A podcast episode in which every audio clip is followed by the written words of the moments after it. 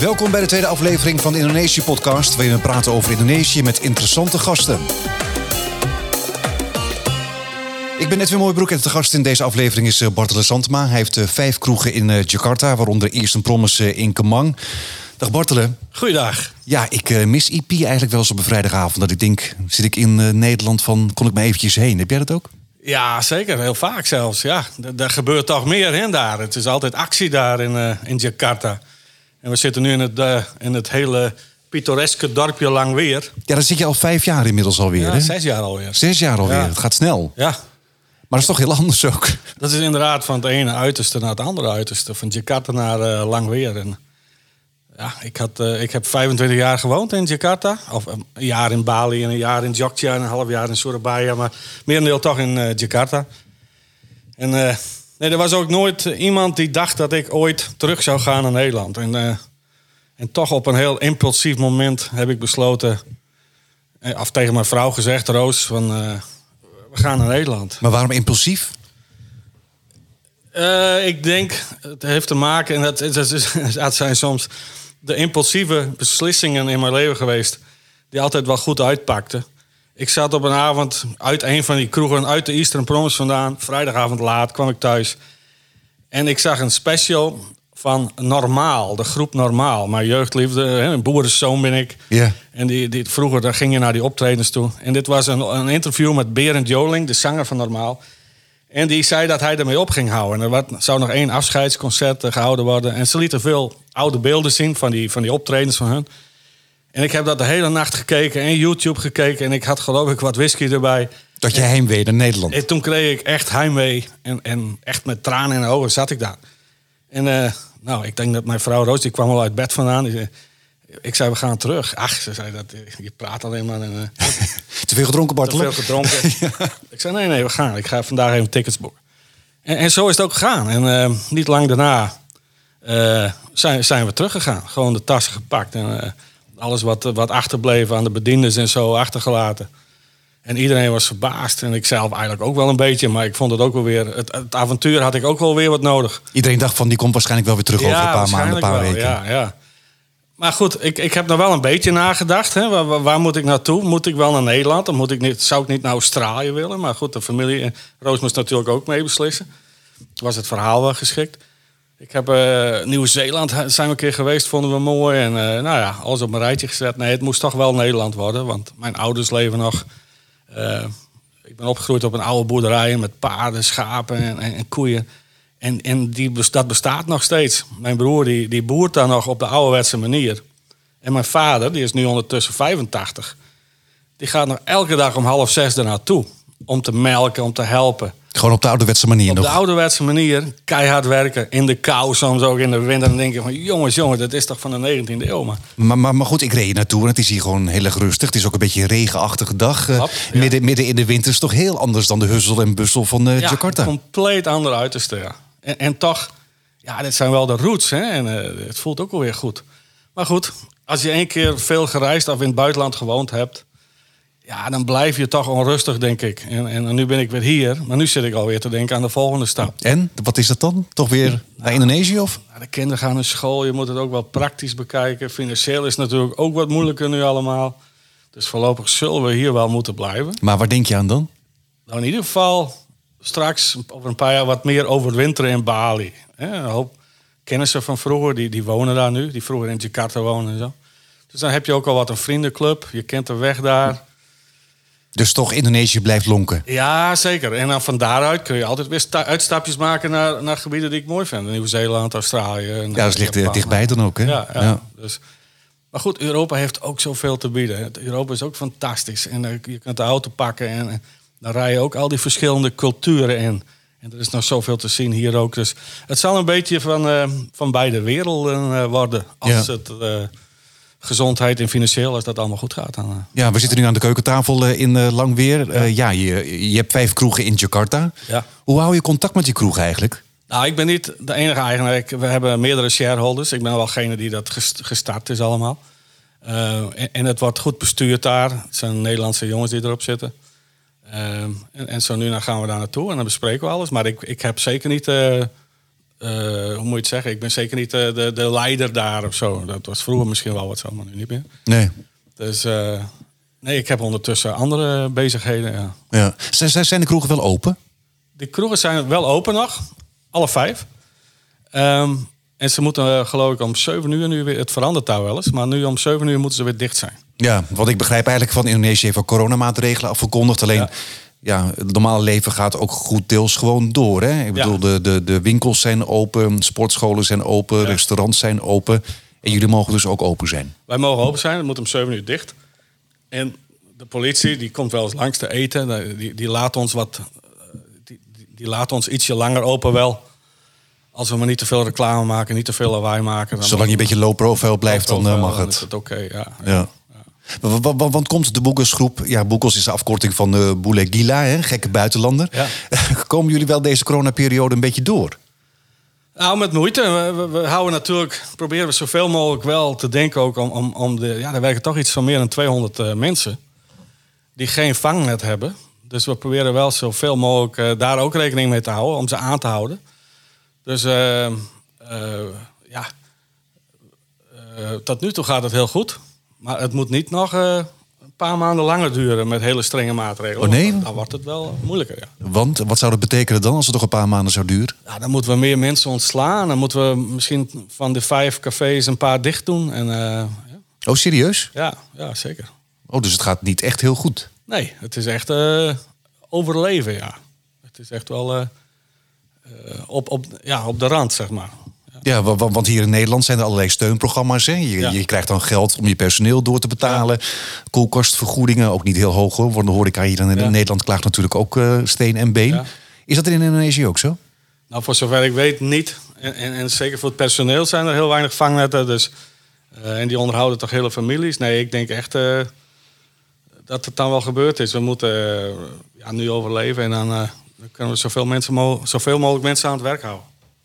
Ja, dus, dus voorlopig kan het wel, maar het moet niet al te lang meer duren. Het moet niet lang meer duren, nee. Ja, in de jaren 90 eh, ben je naar eh, Indonesië vertrokken. Hoe ben je daar eigenlijk terecht gekomen? Ik studeerde aan de tropische landbouwschool in Deventer. En toen moest ik stage... Oh nee, toen ben ik eerst nog een keer op vakantie geweest naar Azië. Voor de eerste keer dat ik vloog. Uh, voor de eerste keer dat ik buiten Nederland kwam eigenlijk. Als boerenzoon kwam ik nooit zo ver. Maar toen meteen Indonesië ook? En toen meteen naar Azië toe. En toen boekten we de goedkoopste ticket. Dat was met Iraqi Airlines. okay. Via Bagdad. Ja. En uh, zo vlogen we naar Bangkok. En toen over land, met, met een vriend van mij, zijn we backpacken. Uh, Maleisië, Singapore, Indonesië. En toen in Singapore zouden we terugvliegen met de Iraqi Airlines. Maar die was ondertussen in uh, Kuwait binnengevallen. En alle Iraki-kantoren waren dicht. En Iraki Airlines bestond gewoon niet meer.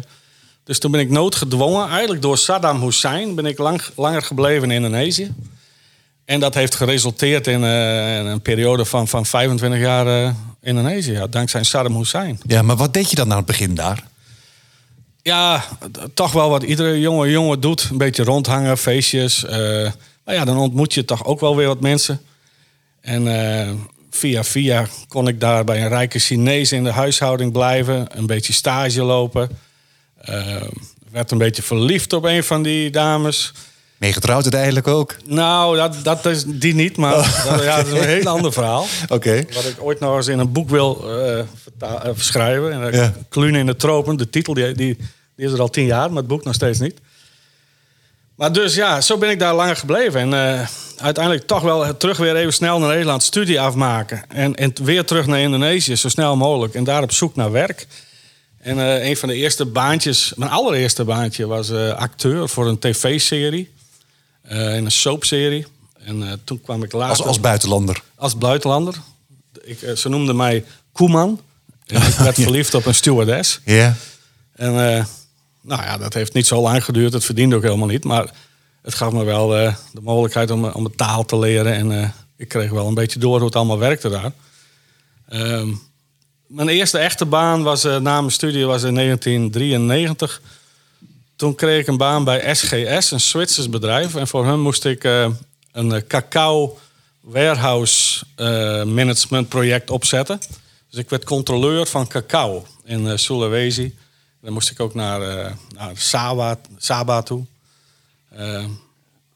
Dus dat was een eerste echte job.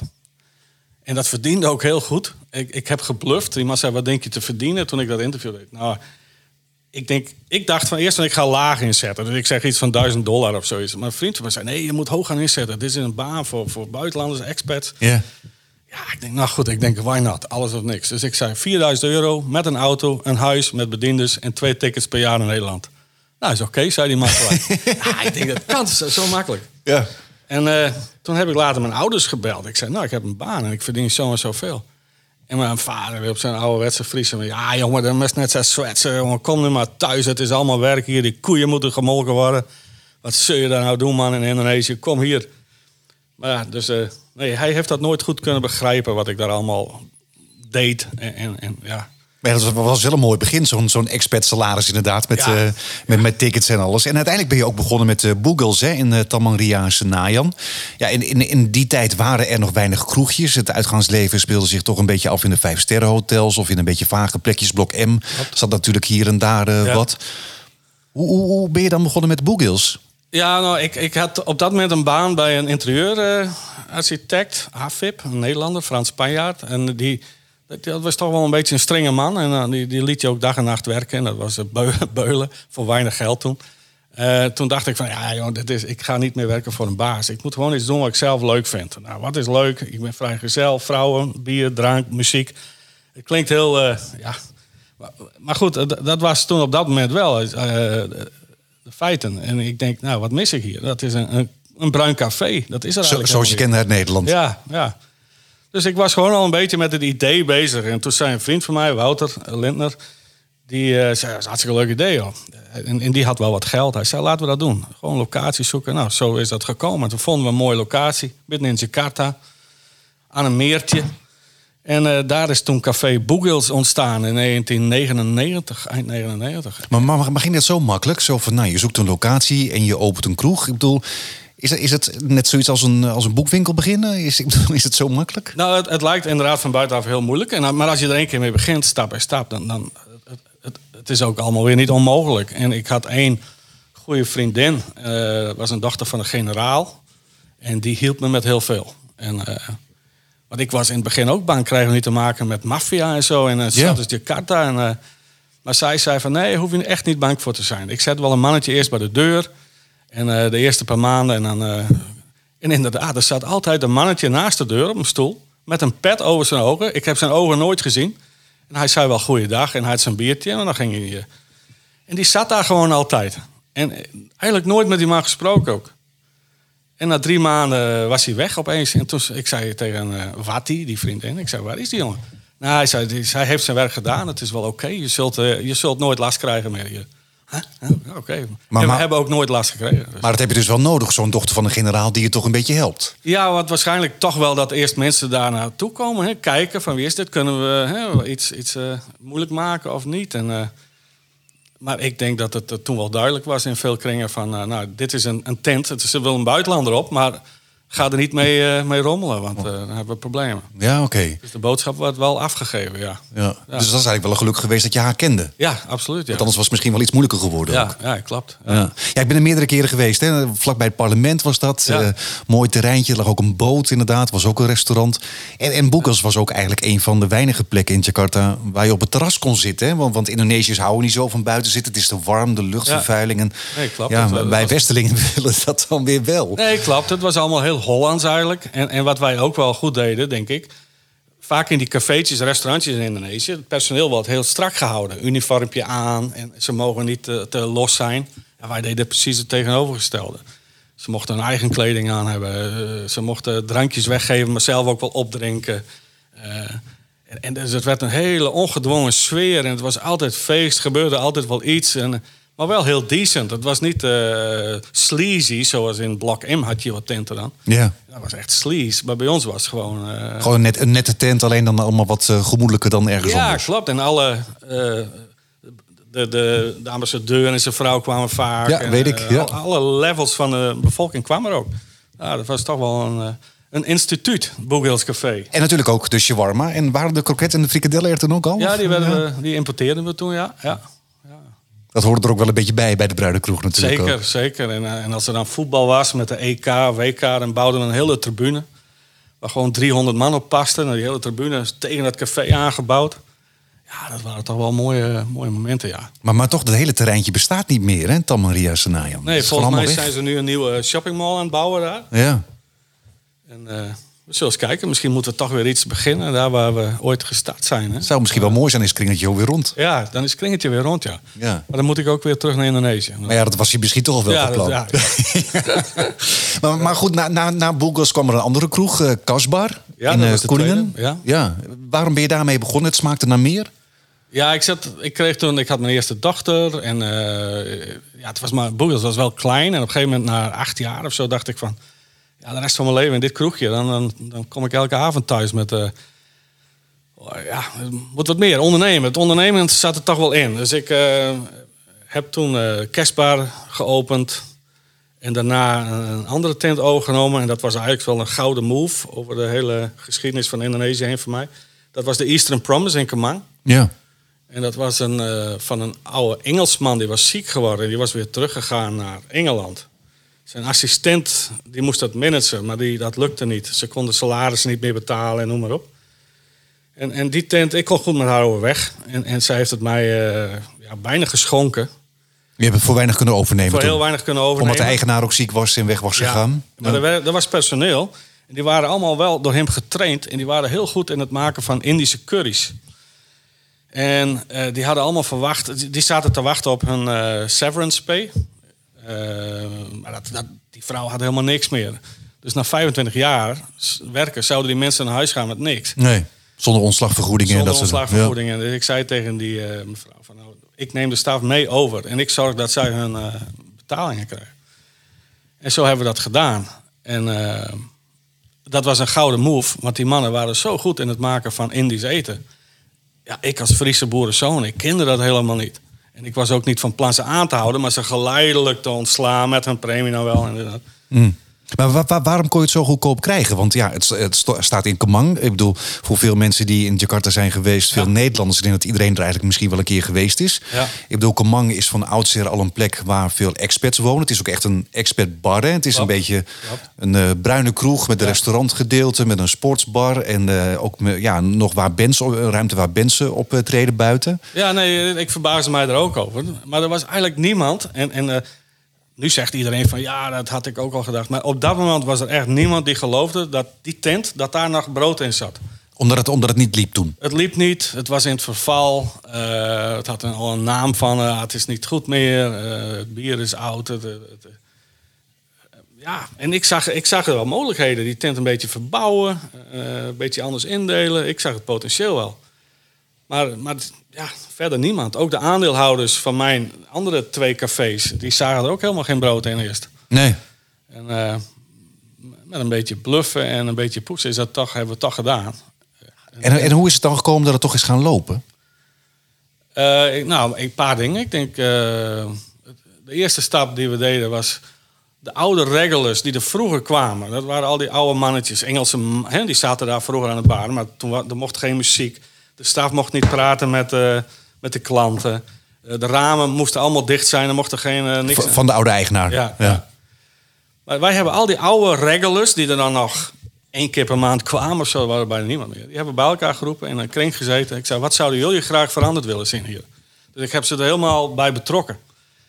Nou, de een zei van, nou, absoluut geen tv. Nou, ik zei, dat moet toch wel tegenwoordig. Nou, zo'n beetje heen en weer. Maar ze hadden echt het idee dat het ook van hun een beetje... En zo zijn we ook nooit dicht gegaan. We hebben altijd één hoekje open gehouden met een, eh, met een barretje.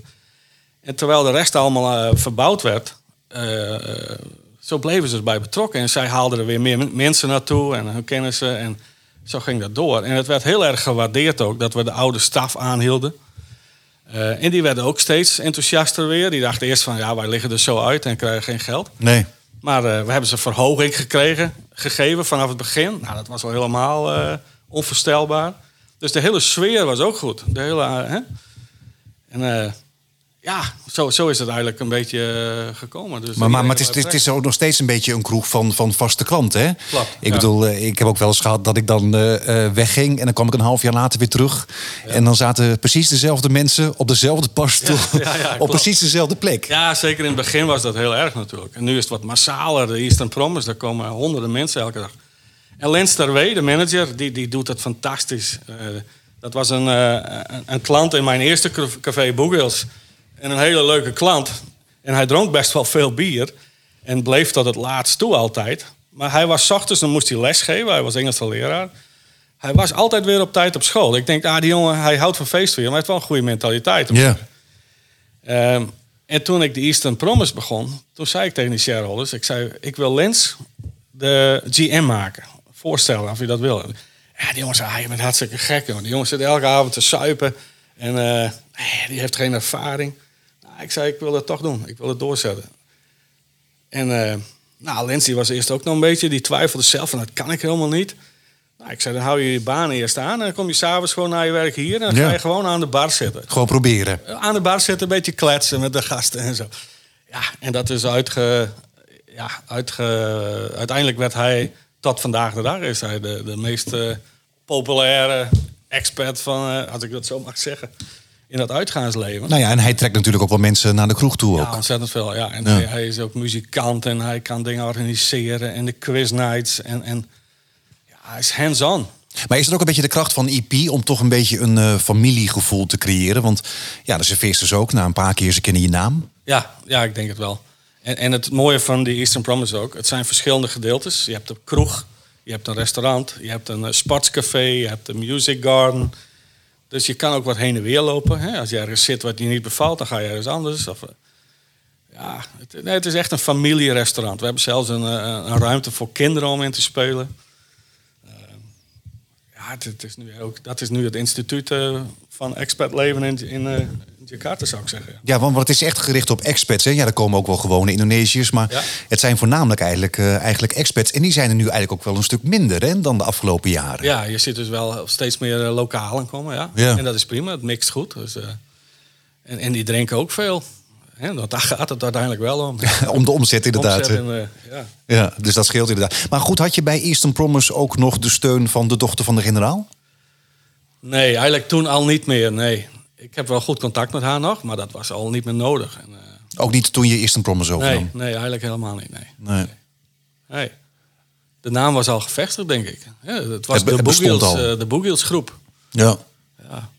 En dan lees je wel eens op het internet in die forums, dan zag je ook wel van wie is dat eigenlijk uh, achter de Boogiels groep. En, zo. en dan en iemand reageert, oh, daar moet je niet aankomen, dat is van een generaal of zo is erbij betrokken. En en dat.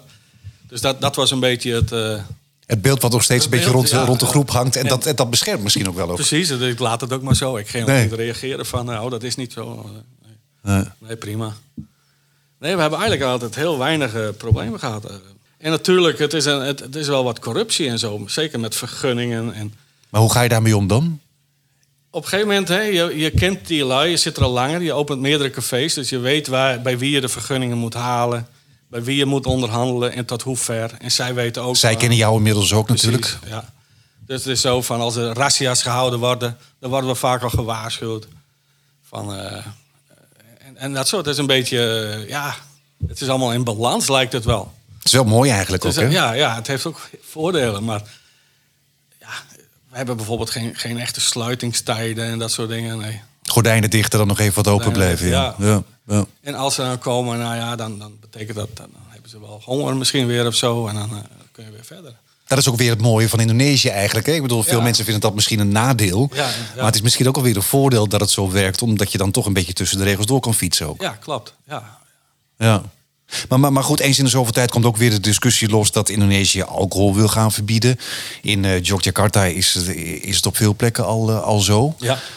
Maak je daar geen zorgen over? Want dat, ja, dat is ook bedreiging voor het voorbestaan van die vijf kroegen natuurlijk. Ja.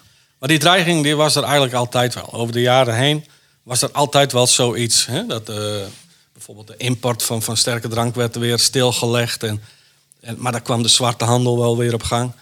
Uh, uiteindelijk viel het altijd wel weer mee. Dus het zal nu ook weer meevallen. En misschien gaat het een keer mis, maar goed. Tot nu toe fietsen we mooi door elke keer. Ja, nou ja, inderdaad wordt er jaren over gesproken. En nog jarenlang hebben ze er geen beslissing over genomen. Dus misschien dat het nog wel... Jullie hebben het ook nog geprobeerd op Bali, hè? Ja, dat is niet gelukt. Waarom niet eigenlijk? Ja, toch. Een, een, het leek zo leuk, een cafeetje op Bali. Maar heel veel dingen waarom het misging. Ten eerste, je hebt heel veel concurrentie. En dat zijn allemaal tenten die bier verkopen voor, voor, voor uh, twee kwartjes, bij wijze van spreken.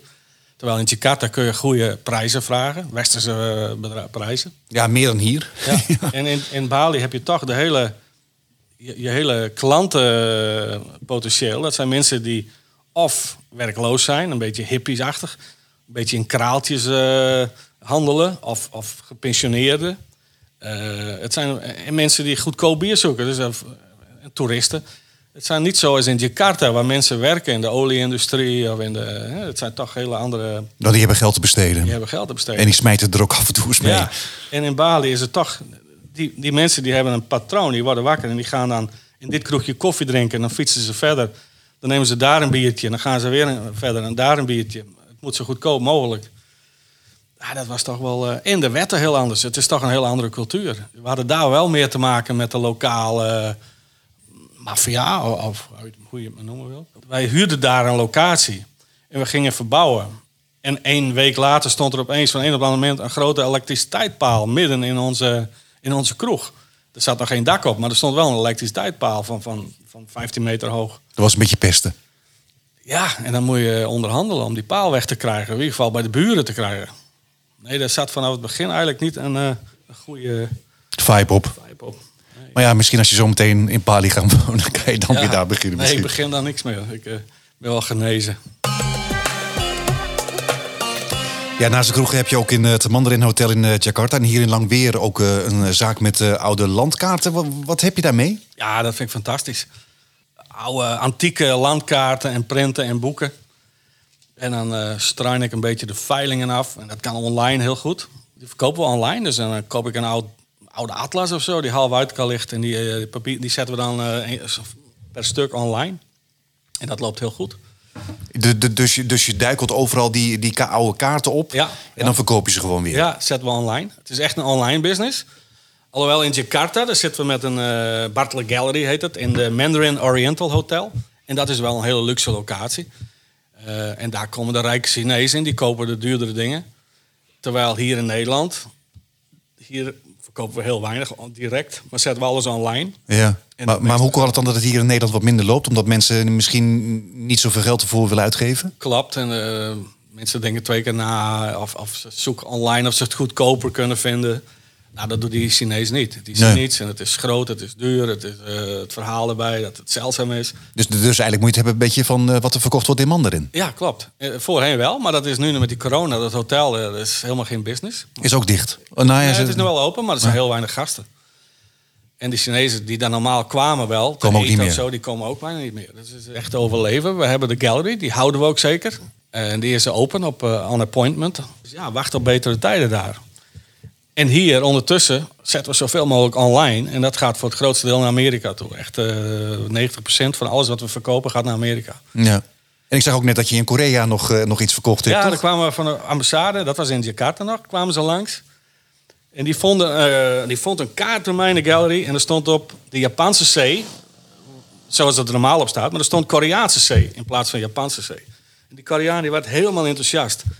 Dus we zijn op zoek gegaan naar meer van die kaarten, waar die zee aangeduid staat als de Koreaanse zee. En die heeft hij allemaal gekocht. En dat gaat nu rond eh, een soort van expositie bij ambassades langs in Azië en zo. En hier ook in Friesland eh, ben je begonnen met eh Bartelus eh, Diner bij het station van Grauw. Ja, het is ook weer zo'n impulsieve iets. Ik, ik, ik zag dat stationnetje vlak waar ik vandaan kom, hè, Grauw. Ik kom uit Wijdgaard, een dorpje, maar Grauw is er vlakbij. En dat stationnetje stond leeg, al jarenlang. En ik denk, ah, dat is aan de snelweg, een stationnetje. Perfecte locatie voor een American diner. Maar mijn vrouw zei, Roos, die zei, ja, we gaan niet weer in een horeca. Dat hebben we gedaan in Jakarta. En ik wil niet weer die stress hebben en s'nachts thuiskomen. En, eh, ja, maar ja, god, ja, ik denk, ik, ik doe het wel. Dat is een opportunity. Ik voelde net als toen bij de Eastern Promise. Ik was de enige die erin geloofde.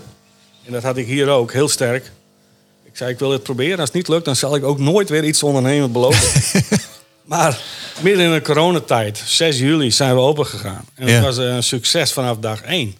hij zat elke dag vol. Voor zover dat mocht, hè, met alle bestaande coronamaatregelen. Anderhalve meter afstand en zo. Ja. was gewoon elke keer moesten mensen wegsturen. Dus, dus ja, en nu is het helemaal dicht. We doen nu bezorgen. En dat gaat prima in het weekend. En eh, ik kijk uit naar straks als de deuren weer open kunnen. Ja, maar het is ook een diner op de menukaart. staan ook westerse gerechten, maar Ja. wel met een Aziatische twist. En toch weer dat Indonesië Ja, wat weer een beetje terugkomt. Ja, ik denk ik ga niet een American Diner eh, beginnen met alleen maar Amerika. Er moeten wel dingen op staan die ik zelf lekker vind. Nou ja, wat vind ik zelf lekker? Een beetje eh, nasi rendang en Ja. dat soort dingen. Curry's. Dus Je kan, ook, je, je kan ook rendang met eh, frietjes eh, combineren. Ja. East meets west. eh. Zoiets, iets met West, ja. Nee, ik hou het dan toch wel echt bij de, bij de goede curry's en dergelijke. En ja, mensen vinden het fantastisch. En je zit in midden-Friesland, al die dorpjes. Je kan wel nagaan, al die boeren daar en zo. Die hebben nog nooit een, eh, een, een, een lamb curry gehad of zo. Of een chicken tikka masala hebben ze er nooit van gehoord. Dus het is gelijk een hit hier. Het, het, ja, het, het sloeg goed aan. Hoe Ja. mogelijk, hè?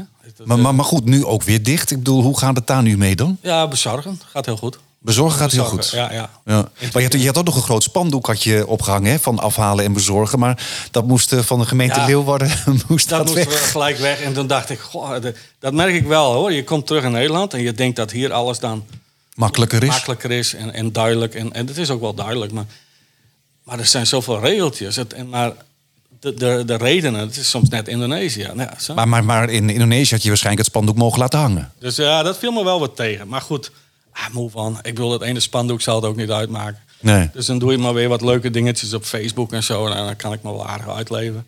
Maar, maar, maar krijg je hier wel steun van de overheid omdat eh Bartels Diner hier in Grauw dicht is? Eh, nee, want ik heb geen historie van, eh, van omzet. Ik begon 6 juli.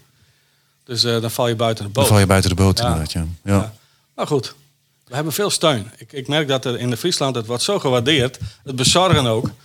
Eh, want die boeren en zo, die hebben nooit... Hè, die, die restaurants uit de stad, die komen nooit bij die boeren. Dus zover doen ze dat. Is de, en wij wel. Ja, dat, wordt, dat wordt wel heel erg gewaardeerd. Ja. En ik breng het zelf vaak rond, vind ik leuk ook. Want dan zie ik de oude kennissen van, van, van 30, 35 jaar geleden... die nu boer zijn. Vroeger waren dat boerenzonen. En die zien mij dan zo... Batlesaal, wat dat leuk. Komt het zelf brengen. Ja, ja, Ja, ja, leuk, ja. hè? Dat is mooi inderdaad. Ja, inderdaad. Maar, maar, maar toch, de rode draad een beetje bij jouw verhaal is een beetje impulsief. Ik geloof erin, Ja. ik ga het doen ook. Ja, ja. Maar het heeft wel gewerkt ook. Het heeft gewerkt. Maar ik, ik moet zeggen, ik heb, zo sta ik ook wel een beetje... Ik heb iemand die heel veel ideeën heeft altijd. En dat is ook zo. En ik, ik, ik praat er ook vaak over, die ideeën. af. Maar er is ook wel eens iets mislukt, neem ik aan. Precies. En ik, ik, ik wacht gewoon tot er een van die ideeën een beetje opgepikt wordt door iemand van... hé, hey, ik zie dat zitten en daar wil ik wel in meedoen of zo. Of ik, heb, eh, ik kan je daarbij helpen. En dan is er altijd weer een van die ideeën die dan uiteindelijk op de plek valt, ja. Ja. Want ja, je hebt, ook een beetje Indonesië naar lang weer eh, gebracht een eh, paar jaar eh, geleden. Festival, ja. was een festival inderdaad. Heel lang weer stond in het teken van Indonesië. De kroegen verkochten bintang bier. Ja, die werden met bedjaks afgeleverd overal. Ja. We hadden bins uit Indonesië. De Indonesische Beatles waren hier. Die hadden we hier naartoe gehaald. De serveersters van Eastern Promise. Serveersters hadden we hier naartoe gehaald. Eh, en er kwamen gasten binnengevlogen vanuit, ja, vanuit de hele wereld. Zelfs iemand met een privéjet, hè, begreep Ja, ik. Vanuit Japan. Serieus? Ja, serieus. ja. Die landde op Eelde of zo. Ja, ja, Adrian Bell. Die landde in Eelde. Die kwam toen met de taxi hier naartoe. Toen hadden we de eerste avond, dat was een quiznight in, eh, in het café hier, eh, de Drie Zwaantjes in Langweer. Toen kwam hij binnen met een, eh, ja, dat was wel leuk, ja. Het was echt een, een zeer geslaagde reunie. Het was ook de eerste dag, de eerste weekend dat het mooi weer was. Ja, ik was erbij. Het was fantastisch inderdaad. Ja. Ja. Ja, dat eh, was magistraal. Maar komt het binnenkort weer? We hadden ook eh Soule, dat is ook zo'n zanger uit Indonesië, hadden we hier naartoe gehaald. Dat is een beetje zo met wit haar en een beetje die altijd wel graag stoned is. En die was er voor het eerst in Nederland. Die had ook geen paspoort en zo. Eerst nog moesten we allemaal regelen. Maar die kwam aan, die vroeg, waar kan ik eh, wiet kopen hier? Is dat Nederland? Daar heb ik maar met iemand naar Sneek gestuurd. Daar heeft hij eh, een of ander winkeltje, daar heeft hij wat wiet gehaald. Toen ging je met een bootje het water op hier, het meer van Langweer. En toen ging hij in het riet, hebben we hem weer gevonden. Was hij gestrand in het riet, in een boot, helemaal stoned. Dat was wel lachen, ja. Maar eh, dat, Ja, jij weet natuurlijk ook heel veel hè, over je gasten. ja, ja, het is al een jaar geleden nu. Ja. natuurlijk, Maar. Ja. Nee, want, want je hebt ook zelfs ook nog, ook nog een boek geschreven hè, over... eh, Een verzameling van Ja. kleine verhaaltjes, wat Ja. ik toen in een nieuwsletter eh, deed. Dat is ooit gebundeld, ja. Boulegila heette dat. wat, is, wat is nou het meest opmerkelijke verhaal van die afgelopen jaren uit de kroeg? Zonder namen te noemen hoor. Uh, nou ja, er waren zoveel. Maar ik, ik, weet niet, iets wat me altijd wel bijbleef is, is, is dat die ene man die aan het biljarten was. En dat zijn gebit in een van die pockets, Amerikaans biljart, in zo'n pocket viel. dat was hij gewoon kwijt. En dat, dat, iedereen probeerde met handen erin dat gebit eruit te krijgen. En hij stond zonder tanden erbij te vloeken. Op zo, hè? We konden het biljart ook niet open krijgen, dus hij moest later terugkomen. Nou, dat zijn maar van die kleine dingetjes. Maar zo was er elke avond wel iets wat daar gebeurde. Mis je het niet? ik mis het soms wel, maar hier gebeurt wel minder, moet ik zeggen. Als ik dan weer eens in Jakarta ben, in één week maak ik meer mee daar dan hier in een half jaar. Ja, het is hier veel meer voorspelbaar natuurlijk ook. hè? Je weet hoe je dag gaat lopen en in Indonesië weet je eigenlijk ochtends denk je van nou het gaat zo, maar dan gaat het toch weer anders. Klopt, en je komt veel meer mensen tegen, hè, door die kroegen ook. Het is, uh, en hier in de kroeg zijn altijd dezelfde mensen. Dus, en iedereen heeft daar een verhaal, ja, hier misschien ook wel, maar omdat je daar elke dag weer nieuwe mensen ontmoet. Ach ja, in, Indonesië is er gewoon een, eh, een land van, van onverwachte gebeurtenissen. Hè. En dat maakt het misschien ook wel zo mooi ook. Ja, dat maakt het mooi. Dat is uh, absoluut. Bartelen, dankjewel. Ja. Tot zover de tweede aflevering van de Indonesië podcast. Je kunt je abonneren via Apple Podcast, Spotify of Google Podcast. Wil je ook een podcast voor je bedrijf of organisatie in Nederland of in Indonesië? Kijk dan op edwinmoorduk.com of trainingcast.nl. Of je kunt contact opnemen via contact.edwinmoorduk.com. Tot de volgende.